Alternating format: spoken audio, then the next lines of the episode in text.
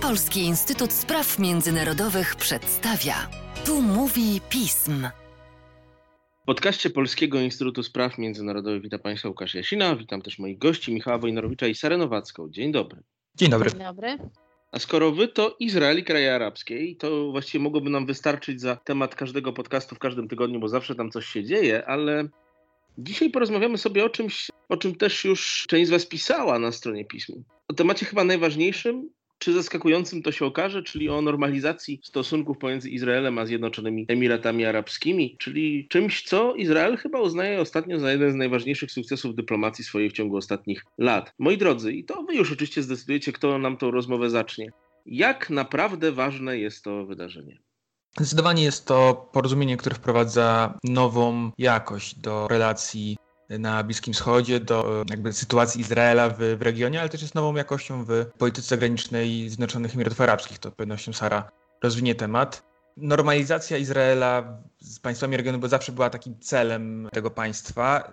Punktem, który był, stał jakby na przeszkodzie, był konflikt z Palestyńczykami. To był zawsze ten szklany sufit, którego Izraelowi nie, nie udało się przebić. Wszystkie, przez wiele lat inicjatywy normalizacyjne były, znaczy relacje z arabskimi były wypadkową sytuacji w konflikcie z Palestyńczykami. To się oczywiście na przestrzeni dekad zmieniało. Egipt jako pierwsze państwo podpisał pokój z Izraelem w latach 70., później proces pokojowy w latach 90., więc pewne jaskółki normalizacji były. Oczywiście to było łatwiejsze dla państw graniczących z Izraelem. Później to zostało opóźnione przez drugą intifadę, przez operację płynów, te różne relacje, jakie Izrael posiadał też niejawne z państwami Zatoki czy, czy z państwami typu Mauretania, zostały zamrożone, zdjęte ale od kilku lat obserwowaliśmy coraz większe zbliżenie między Izraelem a państwami Zatoki. Tu już jakby nie było klucz tylko palestyński, tylko przede wszystkim kwestia Iranu, ale też współpracy regionalnej, współpracy gospodarczej, wywiadowczej, więc to porozumienie ma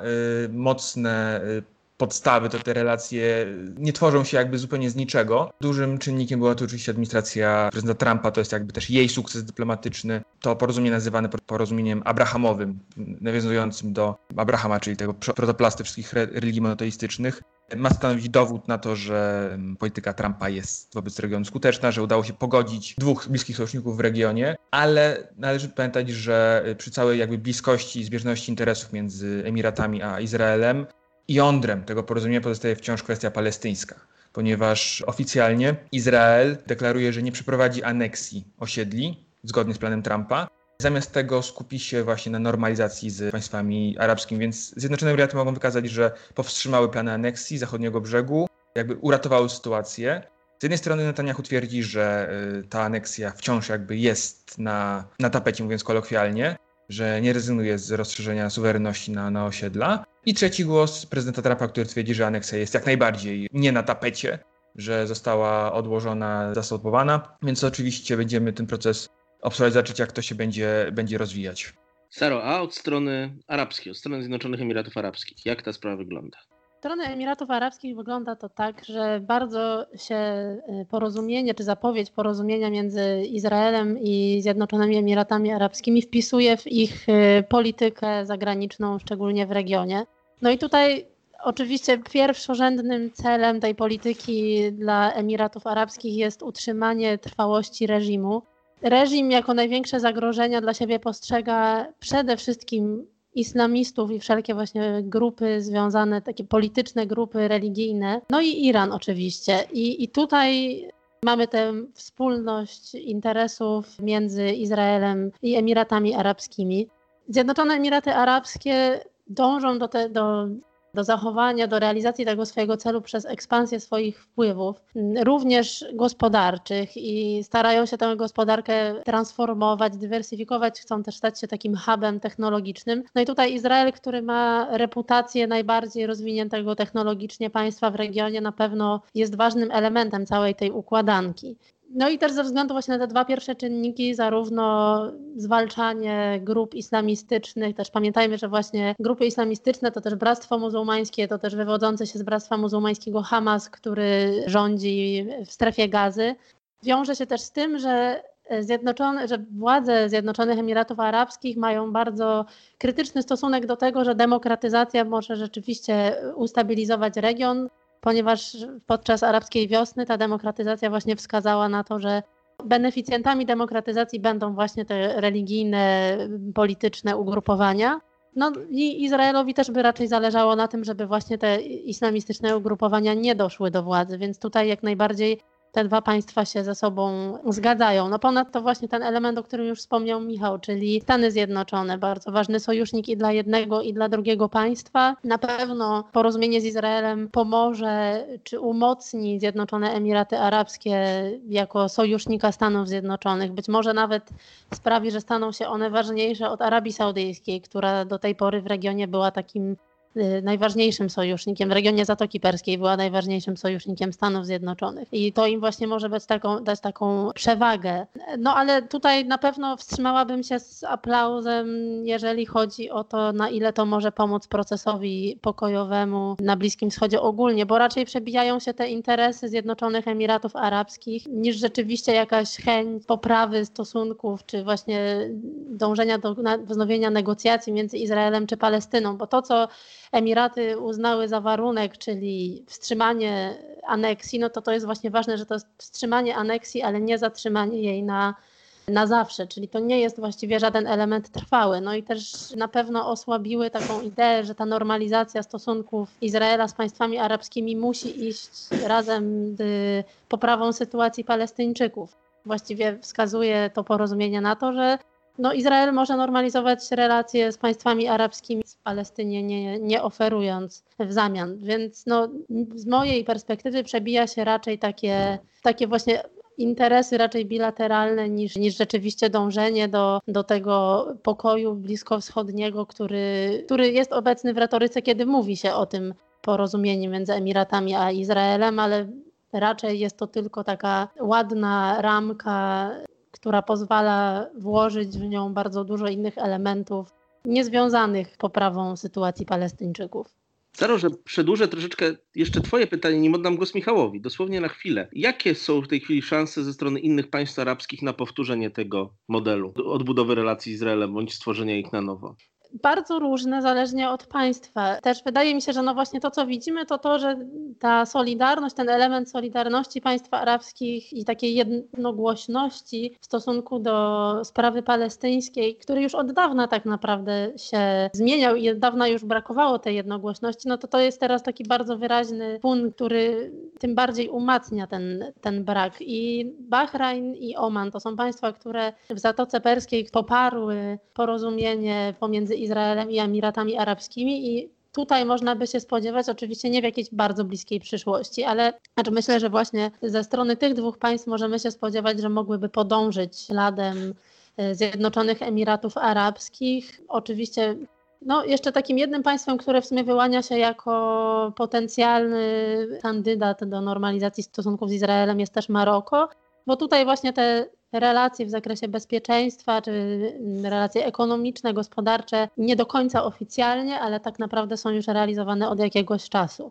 W trudnej sytuacji jest Arabia Saudyjska, dlatego że oficjalnie jest jej, nie jest to za bardzo w jej interesie, żeby oficjalnie poprzeć czy pochwalić ten ruch Emiratów Arabskich. Po pierwsze, dlatego, że król Salman był przez lata takim zdecydowanym obrońcą sprawy palestyńskiej. Po drugie, on też sprawuje pieczę nad tymi najważniejszymi, najświętszymi obiektami muzułmańskimi, nad Mekką i Medyną. I tutaj oddanie, czy tam właściwie normalizacja stosunków z Izraelem w momencie, w którym Jerozolima nie jest jednoznacznie, czy ta wschodnia Jerozolima nie jest jednoznacznie stolicą palestyńską byłoby dosyć problematyczne z tej perspektywy właśnie religijnej. Więc no, z tej strony bym się spodziewała takiej po prostu ostrożności. To, co mi się wydaje, że na pewno będziemy widzieć i już to widzimy, to są wewnętrzne podziały w, państwa, w państwach arabskich, bo już partie polityczne niektórych państw, Algierii czy Kuwejtu wystosowały takie oficjalne potępienie tej normalizacji stosunków pomiędzy Emiratami Arabskimi i Izraelem. Widzieliśmy protesty, właśnie są zdjęcia z protestów, gdzie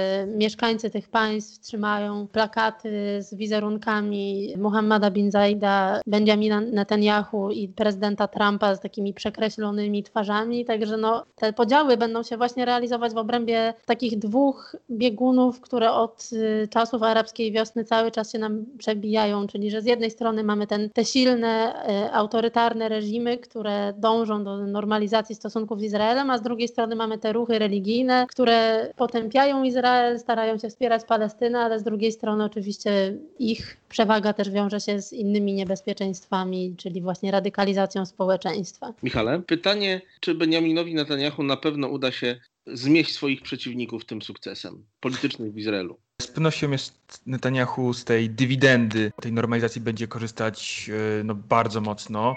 Jest to jeden z no, największych sukcesów e, dyplomatycznych w jego jako premiera. E, mocno podkreśla przekaz, czyli nie ten poprzedni paradygmat, że nie za pokojem miały stać ustępstwa wobec Palestyńczyków, czyli ten upraszczając pokój, pokój za ziemię, tylko właśnie, jak on to mówi, pokój za pokój, tak? Porozumienie między silnymi państwami, E, które, e, które jakby korzystając ze wspólnoty interesów mogą budować relacje ponad tymi wcześniejszymi już w jego mniemaniu nieaktualnymi podziałami. Więc politycznie jest to dla niego poważne wzmocnienie. Też trochę stabilizuje to sytuację wewnętrzną e, w ramach koalicji, ponieważ no, tu ta normalizacja jest bardzo zbieżna z interesami i z no, jakby linią polityczną niebiesko-białych. Trochę problematyczna może być kwestia y, właśnie zamrożenia tej aneksji, ponieważ no, y, osadnicy, którzy popierali Netanyahu przez wiele lat, no, czują się teraz oszukani. Y, po tych wszystkich deklaracjach, że jest teraz naj, najlepszy czas na aneksję, na przyłączenie osiedli, że nigdy nie będzie lepszej koniunktury, no teraz mamy jakby to zawieszone w czasie kosztem relacji z, kosztem jakby no, mało interesujących dla osadników korzyści regionalnych, tak to ujmijmy. Na tym będzie korzystać opozycja na prawicy, w szczególności Naftali Bennett i, i jego partia. Więc dla Netanyahu no, będzie to pewne wyzwanie.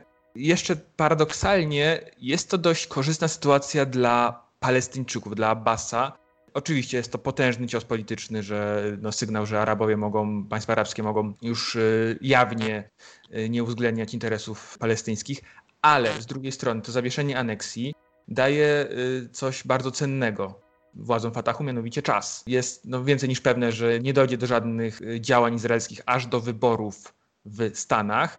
Taki tak naprawdę był też plan palestyński, jakoś tam doczekać, do, dojść do tych wyborów, zobaczyć kto wygra, czy to będzie jednak znowu Trump i już trzeba będzie jednak pójść na jakieś ustępstwa, czy jednak Biden nastąpi zwrot w polityce amerykańskiej. Też warto zaznaczyć, że no, część e, komentatorów uważa, że jeśli na przykład doszłoby do fiaska reelekcji Trumpa, Biden dochodzi do władzy, to jednak wciąż mamy parę miesięcy, których e, no, piłka jest w grze po stronie administracji republikańskiej i jako taki prezent pożegnalny no, mo mogłoby dojść do dania zielonego światła dla aneksji. Netanyahu mógłby wtedy jakoś, no, przynajmniej częściowo spełnić te swoje wcześniejsze, wcześniejsze żądania.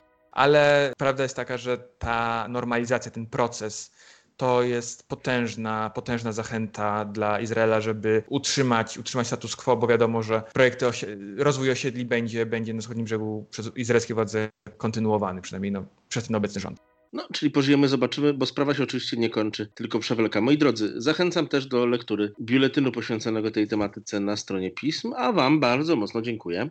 Dziękujemy, Łukaszu. Dziękujemy.